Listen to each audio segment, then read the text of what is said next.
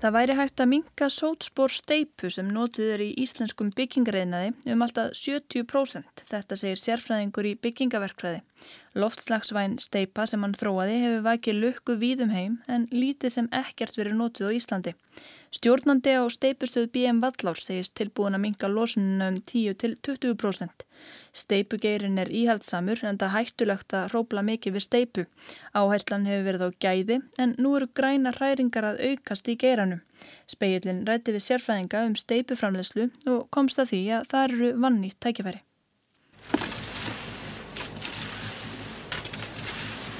Steipa og önnur sementsbundin efni eru talin ábyrg fyrir um 5-8% um heimslosunar og losa markvallt meira en allþjóð á flugið. Sementið er sökudólgurinn, losunin verður við framleysla því, já og svo auðvitað magnið. Steipa er annað mest notaða efni heimsins eftir vatni og það er framleitt meira steipu heldur en, eða tvöfalt meira henni heldur en öllum öðrum efnum til samans segir Einar Einarsson, framleiðslustjóri hjá BM Vallá. Það hefur ekki verið mikið talað um loftslagsáhrif steipu. Við lendum náttúrulega fyrir nokkrum árantugur síðan, síðan í mjög slæmum málum í samvöndu gæðamálsteipunar, alkali skemmtir og ymslegt annað sem kom upp og í framvalda því það var gerðar mjög strangar kröfur, settar í staðla og reglugerðir og í þeim, því varum, við alls ekkert að hugsa um umhverjus spórið eða kolumspórið Seminsframlegðin er búin að gera ymmislegt. Þeir eru búin að setja inn efnin í sementi sem er umhverfisvatni. Það sé að nota ímus íblöndinu efni í sementið og, og það hefur við verið að reyna að nota ykkur mæli en við erum bundnir af stöðlum, bundnir af, af reglugerðum, getum við unni lítir heft okkur. En svo er náttúrulega húsagerðin er að breytast fölvist á, á Íslandi svo allir að vara við. Það er komin hús sem eru einangruð utan og, og það gefur okkur möguleika vegna þess að þar þurfum við ekki að hugsa um þetta erfið viðfar sem við erum með hérna. Þannig að eins og stöðinu núna þá erum við búin að breyta þessu þannig að einangurinn er utan á en það er ennþá verið að nota steipu sem að í rauninni uppfyllir kröfur sem kröfur og ef hún væri utan á þýrt að þóla frost og, og vitrar hörkur. Það hefur svolítið borðið á því á. Fyrir Ólafi Vallevík, forstuðumanni rannsóknastofu byggingareinaðarins, er alls ekkert nýtt að steipa mengi. Hann hefur um árabil rannsakað hvernig mingam á kólefnisbor steipu. Lofslagsvægin steipu uppskrift hans hefur vækið lukku í Kína, Norður Ameríku og Miðausturlöndum en hún hefur lítið verið nótið á Íslandi. Lofslagsvæn steipa var þó nýtt í stóðveggi nýri búrfellsvirkjun, svansvottað einbillishús í Urriðaholti og blokk sem IKEA byggði í sama hverfi. Það er allt og sumt eða næstum því því við bætast nokkrar eldri byggingar þar sem nótu var steipa með læra kólfnisspor án þess að það hefði verið markmiði sjálfur sér. Speillin hitti Óla Vallevík fyrir utan svansvottuðu blokkina sem IKEA byggði í Garðabæ og spurðan hversu mikill lofslas ávinningur væri af því að hræra vistvæna steipu. Þá lækkar kólefnissporið úr svona 350-400 kílóum að CO2 fyrir hvern rúmmetra uh, og niður í helming eða þar sem við viljum vera. Er ekki að því að það er kannski ekki mikil reynsla af þessari vistvænu steipu og, og þessari gömlu góðu sem þú segja er ekki hættu eða hún kannski þól ekki íslenskar aðstæður að vel? Eh, sko eitt er Eh, bara eins og það sést á mörgum flestu byggingum núna sko, þá er klættað utan. Stóra vandamáli við að gera vistvæna steipu það er að gera hana frostelda og en það er ekkert eh, vandamál ef að það er ekki frosthólinn steipa þá er mjög öðvöld að gera hana mjög vistvæna Það hversu mikið er hægt að lækka semenslutfallið og þar með kólumnisfótsporið fyrir að sokn Ólafs eftir notagildi steipunar. Hægt sé að minka kólumnisspor steipu í klættum veggjum um alltaf 70%. Minna megi hrópla við steipu sem ekki er varin en þar megi þó minka kólumnisfótsporið um 15-20%. Einar er íhaldsamar en Ólafur talar um að minka mætti kólumnisspor klættra veggja um 10-20%. Ólafur segir ekkert mála framleiða þessa steipu. Það hafi bara ekki verið eftirspurn eftir henni. BM Vallá framleiti steipu fyrir stóðveginn vistvæna í nýju búrfellsvirkun og svansvottaða einbillishúsi í Garðabæ. Þá fengum við náttúrulega bara kröfu frá þessum aðlun sem vilja byggja þetta um að gera þetta svona og það var ekkert mál. En, en ven, í vennileg hús getum við ekki gert þetta vegna þess að þar eru við með kröfu frá stöðlum og reglugerðin sem að leiða okkur ekkert að framleiða svona út um allt. Þetta hefur vissi einhver áhrif fyrir þá sem er leggja steipuna niður. Það, það getur verið að þeir finni það að þetta er kannski ekki alveg stjálf steipa eins og þessi vennilega steipa sem þeir eru að nota. en fyrir okkur framlendin er þetta ekkit mál, það er bara, við byggðum okkur um þetta og við gerum þetta. Saði Einar Einarsson.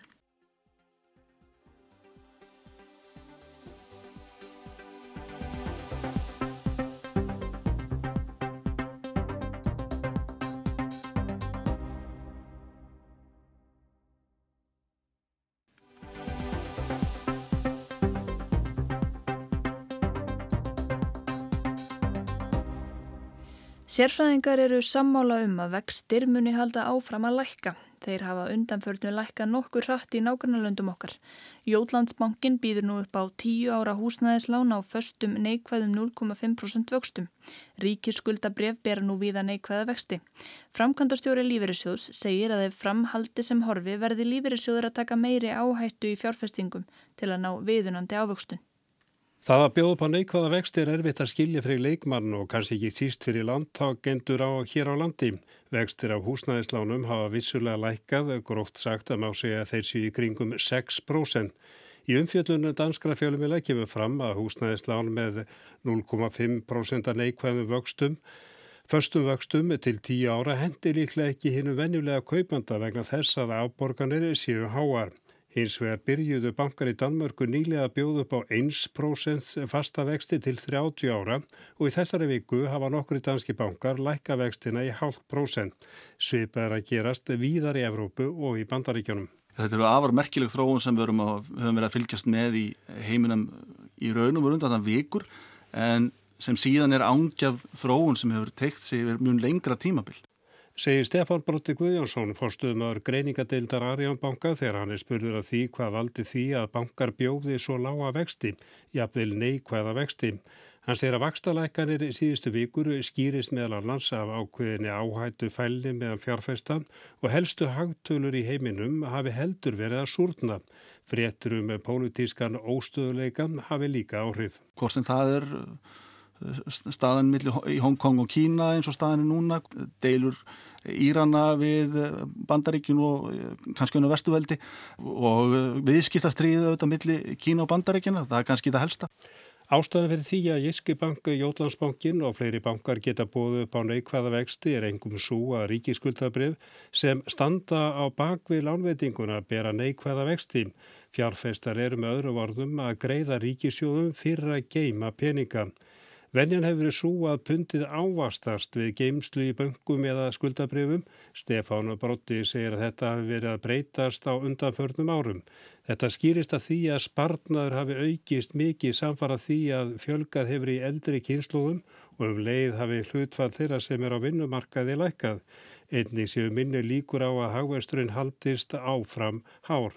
Við þetta bætist að selabankar hafi keifti mikið af ríkisskuldabrefum, kostir fyrir fjárfesta sem ekki taka mikla áhættum síðan skortnum skamti.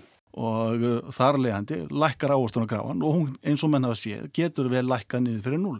Stefan Brotti sér að langtíma vextir hér á landi ráðist að markaðnum og líklegt að vextir haldi áfram að lækka hér ég á ekki vonað að svo þróun sem er verið eitthvað stæði heiminum tegi ángarsinn til Ísland og svo hér held haldi áfram svo þróun að, að vextar á Íslandi endur spekli þá þróun sem er að staði, staði heiminum. Sagði Stefan Brótti. Snætis Ögn Flósadóttir, framkvæmdastjóri lífeyrisjóðana EFIA og LSBI bendir á að vextir allt í kringum okkur hafi verið að lækka og líka hér frá áramátum sé Selabankin búin að lækka stýrivexti um 75 punktar og við búumst alveg eins við því að ef að verðbólgan heldur sér í horfinu og verðbólgu vendingar að þá gætu þeir jafnvel verið að vaksta lækkun og byggsum eitthvað áfram. Hún segir að þetta sé jákvægt fyrir húsnæðiskaupendur, fyrirtæki og efnaðarslífi held. Hins vegar séu tvær hliðar á öllum peningum. Hinn hliðin séu fjármagseigendur sem séu meðal annars heimilin í landinu sem fjármagseigendur í gegnum lífeyrissjóðuna og lífyrirsjóðunir eh, búa þá við þá stöðu í dag að í lækandi vaksta umhverfi verður í rauninni öll fjárfesting mun meira krefjandi. Það er meira krefjandi að reyna að ná góðri ávöxtun á sparnaðin þegar að vextir fara hratt lækandi. Svo gotu ávastuna krafa lífeyrissjóða að viðmið hefur verið 3,5%. Snæti spendir á að sjóðunir kaupi ekki einungis þau skuldabref sem nú berir lága vexti, heldur fjárfæsti líka í hlutabrefum og skuldabrefum fyrirtækja. Það er framheldur sem horfir að þá sjáum við fram á það að þeir munu þurfa að taka meiri áhættu til þess að ná ásættanlegri ávöxtun. Svo er alltaf bara spurning hversu mikil má svo áhætt að vera og það getur verið mjög breytilegt eftir sjóðum, uh, sjóðfélaga samsetningu og bara hvar sjóðinir eru stattir í, í sinni aldurskurfi.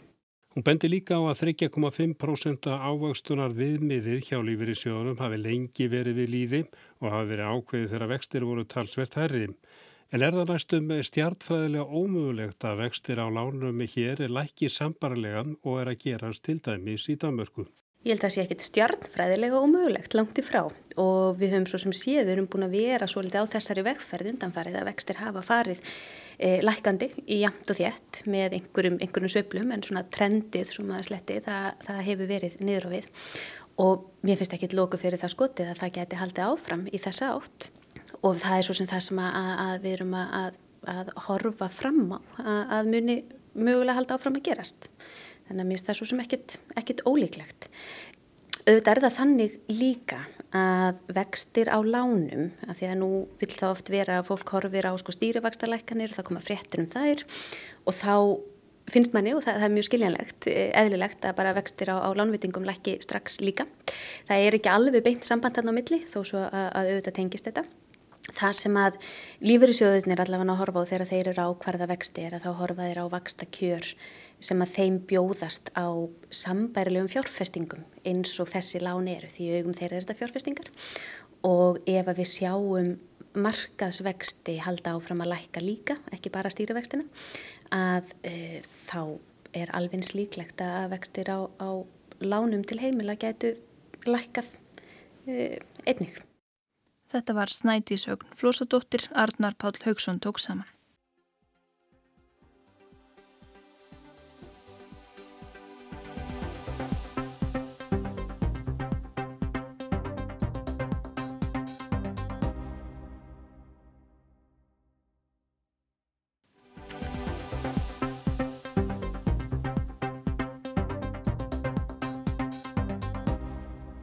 Félagið Lindsor er hluti ósaða kaplans í sögunni um lán Seðlabankans upp á 500 miljónir evra til kaupþings á hrundaginn 7. oktober 2008.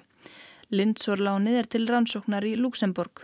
Talsmaður Dóms yfirvalda þar sagði viðtalið við speilin að rannsókn leiki brálega og málið er þá sendt til ríkisaksóknara Luxemburgar sem tækja síðan ákverðun um hvort ákjart yrði í málinu. Í sumar voru liðin tíu ár síðan Kaupþing Luxemburg var endurist í nýjum banka, Haviland bankanum, sem geymir enn ímis fortíðarmál Kaupþings. Þegar forstjóri Havilandbankans í Luxemburg skrifaði greinilega til að fagna tíara amali bankans, sagðan bankan hafa orðið til við endurskipulagningu annars banka, ekki orðum hvaða banki það hefði verið, kaupþing ekki nefnt en í raun eru fortjarmál Kaupþings í Luxemburg en viðlöðandi. Kaupþing Luxemburg fór í greiðslustöðun í oktober 2008 um leið og Íslenski móðurbankin. Yfirvöld í Luxemburg og Belgíu hafði strax fullan áhuga á að veita lán til að endurreysa bankan, meðal annars vegna innstæðna á hávakstarreikningum bankans. Þessi vilji yfirvalda samræmdist áhuga stjórnenda og stærstu hlutafa kaupþings að endurreisa bankan í Luxemburg. Það er aðtiklisvert ekki síst af því sagamannaransóknir á Íslandi í kaupþingsmálum afhjúpuðu þar leikil hlutverk kaupþings í Luxemburg. Árið 2007 hóf fjármáleftiliti í Luxemburg að kannast starfsemi kaupþings þar í landi. Í brefi til bankans sumarið 2008 gerði eftirlitið alvarlegar aðtóasemtir við starfsemi bankans um viðtæklán bankans til kaupa á hlutabrefum kaupþings með veð í brefunum sjálfum að áhætta væri flutt af viðskiptavinnum yfir að bankan og einstæmi um lán til einstakra aðila yfir leifilögum mörgum í heiltar útlánum bankans. Það sem eftirlitið greindi þarna var vildarvinna minstrið sem skýslaransóknar nefndar alþingi sem bankarhunnið afhjúpaði svo rækilega 2010. Minnstur sem vissulega gætti í hinuböngunum tveimur en var engar umfangsmikið í kaupþingi. En þessar alvarlegu aðfinnslur fjármáleftilitsins í Luxemburg við viðskiptahætti kaupþings þar virtust gufa upp um leið og bankin var komin í greiðslustöðun. Líka þó starfsmenn Kaupþings störfuð þar áfram. Nú skiptu öllu máli að endur þessa bankan því yfirvöld töldu það bletta á orstýr landsins sem Evrósk fjármálaveldis að banki færðar í þrótt. Á endanum lánuðu yfirvöld í Belgi og Luxemburg 320 miljónir evra til að endur þessa bankan ríflegt lán en þó lítið miða við 500 miljóna evra neyðarlán Sælabankans haustið áður. Á endanum fannst kaupandi, umsvegamadurinn David Rowland. Yfirvöldi í Luxemburg kiftu sér ekki upp við að Rowland þótti meira en lítið vafasamur í heimalandinu Bredlandi. Orstýr sem breskir fjölmiðlar rivjuðu upp 2010 þegar Róland, stærsti styrkjandi breska íhalsflokksins, ætlaði að verða flokksgjaldkerri sem er heiðurstaða. Eftir þá fjölmjöla umfjöllun komst Róland að því að hann hefði ekki tíma til að vera gjaldkerri. Í vetur lagði eftirlitið í Luxemburg eina hæstu sekt á Havilandbankan sem sérst hefur þar fyrir að framfylgja ekki reglum um peningaþvætti. Róland gerði mikið úr því þegar hann keifti bankan að nýji bankin, Haviland, væri nýr banki. Hann var þó ekki nýr en svo að Róland hjælt í starfsmann Kaupþings eftir þörfum. Magnús Guðmusson fyrir um yfirmaður Kaupþings Luxemburg stýrði Haviland. Þar til ljós kom 2010 að Magnús sætti rannsókn á Íslandi. Forstjóri Haviland Group er fyrir um starfsmaður Kaupþings og sama átti lengi við um fleiri líkil starfsmenn Haviland.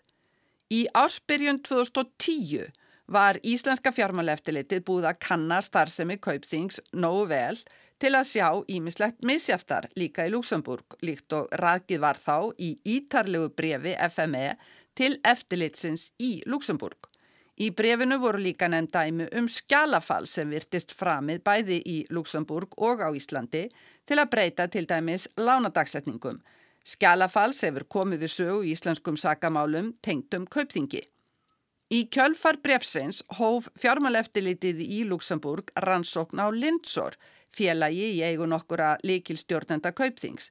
Lindsor fekk stærstu einstöku greiðsluna 7. oktober 2008 þegar kaupþing fekk að láni 500 miljónir efra frá Sælabankanum.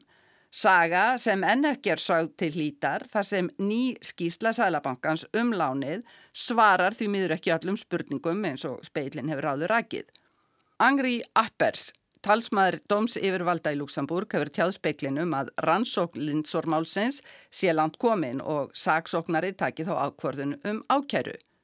Kaupþingsmálin eru enn á kreiki Luxemburg og þá líka í bankanum sem einu sinu var kaupþing.